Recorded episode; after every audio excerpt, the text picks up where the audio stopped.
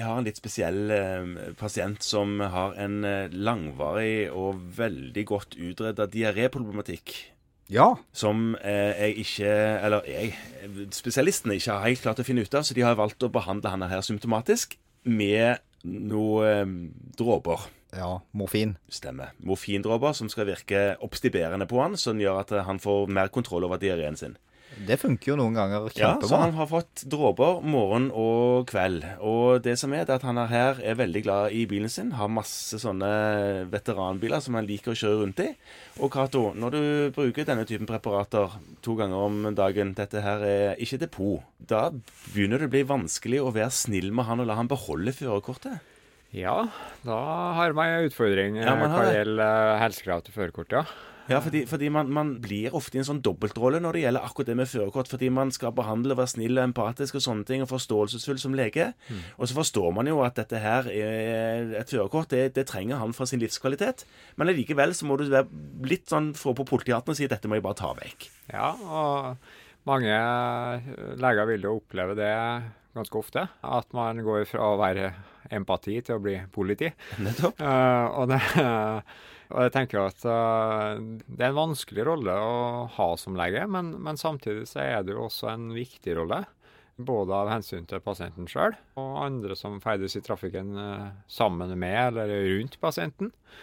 Og så kan man nå være uenige i større eller mindre grad om hvordan reglene er, men det er satt en del regler for hvilke legemidler, hvilke sykdommer man kan ha og ikke kan ha når man skal sitte bak eh, ratt eller styre. Og, det, det står for så vidt på nettet. I hvert fall så har jeg i det siste slått opp i denne Helsedirektoratets hjemmesider, så ligger forskriften og veilederen til den Ja. relativt greit å slå opp i. Og den har endra seg litt i det siste også, har den ikke det? Sånn Det pågår jo en kontinuerlig oppdatering og forbedring også der. Ja. Eh, Men uh, forskrifta ble endra altså Den store, siste store endringa av førerkortforskrifta sine helsekrav, det var for drøye to år siden. Ja. eh, I oktober 2016. Mm. Og så kom det jo samtidig den uh, førerkortveilederen, som, som også da har vært justert noen ganger. Og da- en av de tingene som ofte oppleves som vanskelig, det er eh, når skal man sende denne meldingen til fylkesmann og politi om at nå er førerkortkravene, helsekravene for førerkort fordi de har fått en diagnose, eller fordi de har fått en pille, Eller svimt av. eller svimt av. Mm. Når skal man sende den meldingen, og når kan man på en måte håpe at dette går over innen rimelig tid? Ja. Altså Det som er det harde, kalde fakta, er jo at hvis man mener at uh, det er en tilstand som, som gjør at helsekravet ikke er oppfylt i en periode som varer mer enn seks måneder, så utløses da meldeplikta til fylkesmannen. Ja. Men uavhengig av det, så skal jo ikke personen kjøre bil. Eh, Så hva gjør man da? da må man gi det som på folkemunne omtales som kjøreforbud. Men det er jo i utgangspunktet pasientens plikt til å overholde veitrafikkloven. Fordi veitrafikkloven sier jo at pasienten har et ansvar for å ikke sette seg bak ratt eller styre når man ikke er helsemessig skikka til det. Og, og hvis man da får beskjed om, fra en lege om at uh, så er tilfellet, så, så har man et ansvar for å, for å følge det. Så kjøreforbud involverer egentlig et uh, skarpt blikk og en pekefing? Ja, og informasjon om hvorfor man ikke har lov. Ja, og når du da har gjort det, så er det pasientens eget ansvar å forstå at uh, jeg er ikke skikka, og derfor ikke gjør det. Ja. Ja. Mm. Og så må man igjen Du, og du, du skal journalføre det, kanskje? Ja, dokumentere. Og da er det sånn at da sa du seks måneder? Altså hvis du, du forventer at du enten skal bli kvitt disse medisinene, og, eller at tilstanden vil ellers endre seg innen seks måneder, så holder det. Da holder det så lenge Ja. man ikke da kjører i den perioden. Ja. Da kan man uh, starte igjen å kjøre når man enten har blitt frisk eller har slutta med de legemidlene som gjorde at man i utgangspunktet ikke kunne kjøre. eh, Eller uh, andre De kravene som i hvert fall ikke var oppfylt, igjen har blitt oppfylt. Da kan man starte å kjøre. ja.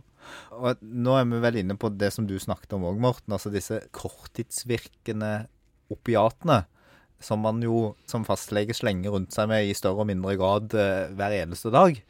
Der tror jeg nok at informasjonen om at dette medfører at du ikke fyller førerkortforskriften, kanskje kan bli bedre på landsbasis? Det kan det kanskje være. Jeg tror det har vært ganske mye oppmerksomhet omkring det de siste åra. Og kanskje særlig de siste to, etter at uh, altså den reviderte versjonen av førerkortforskrifta kom. Og det tror jeg er til det bedre, at man uh, får et fokus på det. Og fordi at det å kjøre under påvirkning av legemidler kan uh, være, ha alvorlige konsekvenser for både pasienten sjøl og alle andre. Og det betinger jo at vi som er leger, som forskriver de her legemidlene, er også oppmerksomme og, og gir de råd og veiledning som vi skal gi til våre pasienter. Og så har du den andre gruppen, og det er de som må fornye sitt førerkort. Og som under fornyelsen, der det avdekkes at det er helseutfordringer som man kanskje ikke tenkte på mm.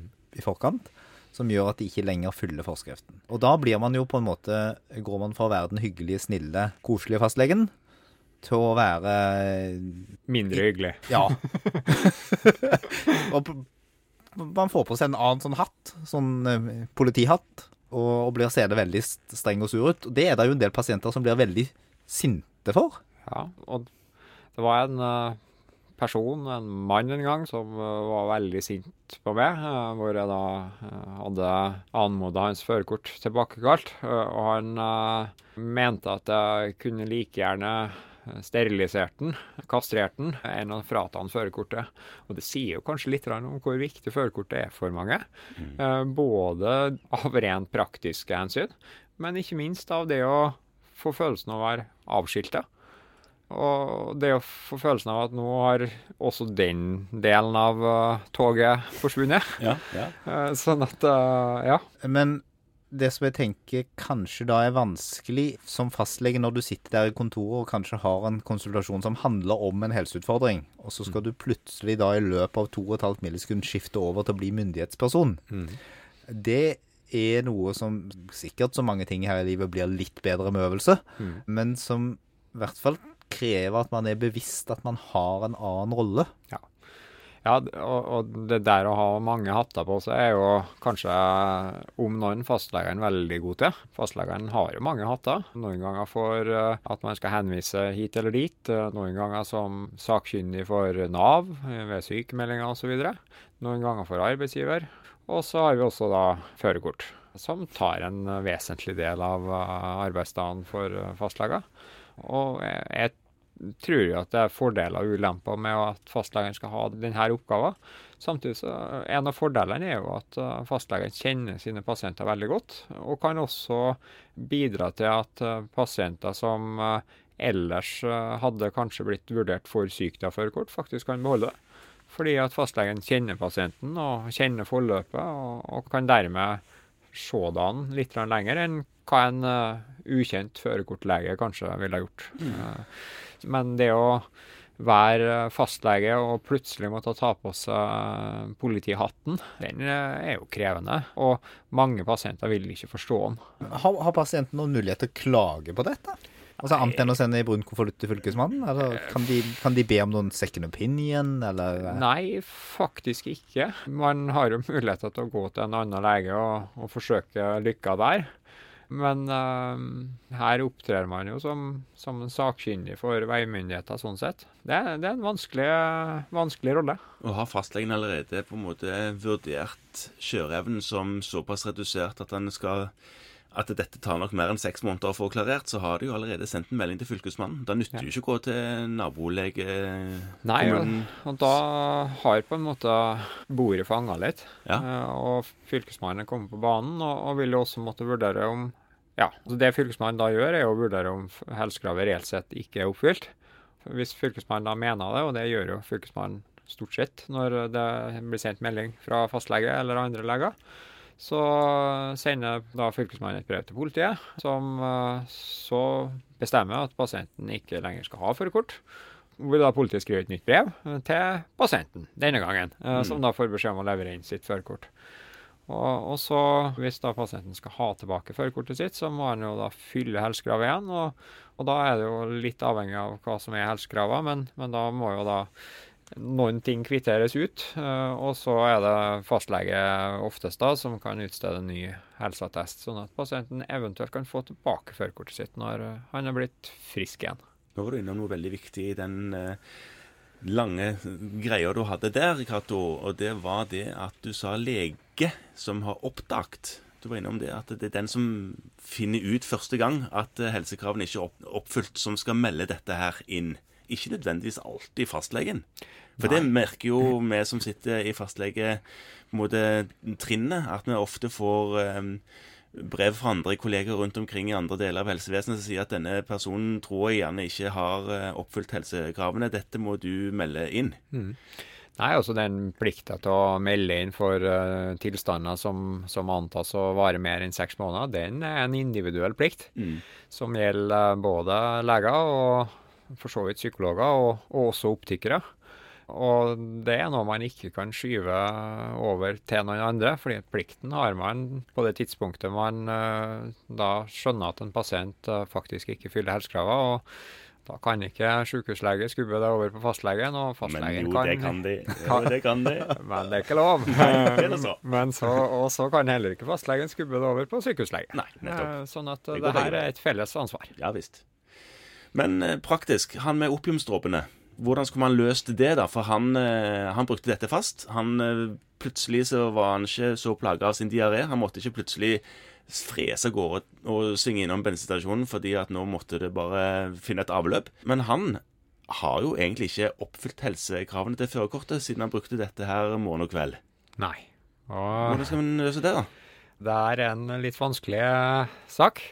Førerkortforskrifta stiller jo krav om at uh, bruken av uh, den type legemidler med morfinholdige virkestoffer skal være såkalt langtidsvirkende. Uh, mm. Men hvis man da bruker korttidsvirkende, så er det også lov hvis man bruker det tilstrekkelig ofte. Og det Poenget her er jo at en skal ha en så jevn dosering i, i kroppen som mulig over døgnet. Ja. Sånn at en ikke skal ha svingninger. Ja, og sånn at man blir tilvendt det legemiddelet og sånn sett mista de farlige, eh, i hvert fall de farligste, ja. Eh, bivirkningene av dem.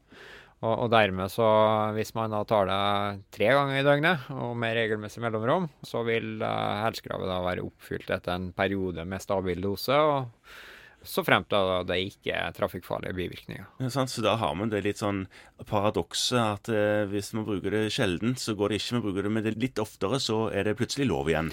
Men, man kan komme i den situasjonen, ja. Ja, det, det går an. Men, virker, men veilederen er ganske god blitt på dette med førerkort. Ja, og, og legemidler. På legemidler så er den, er den, god. Og den er god på mange kapitler, men det er også kapitler som uh, har behov for uh, forbedring. Men du var jo inne på det, det revideres jo stadig. Ja.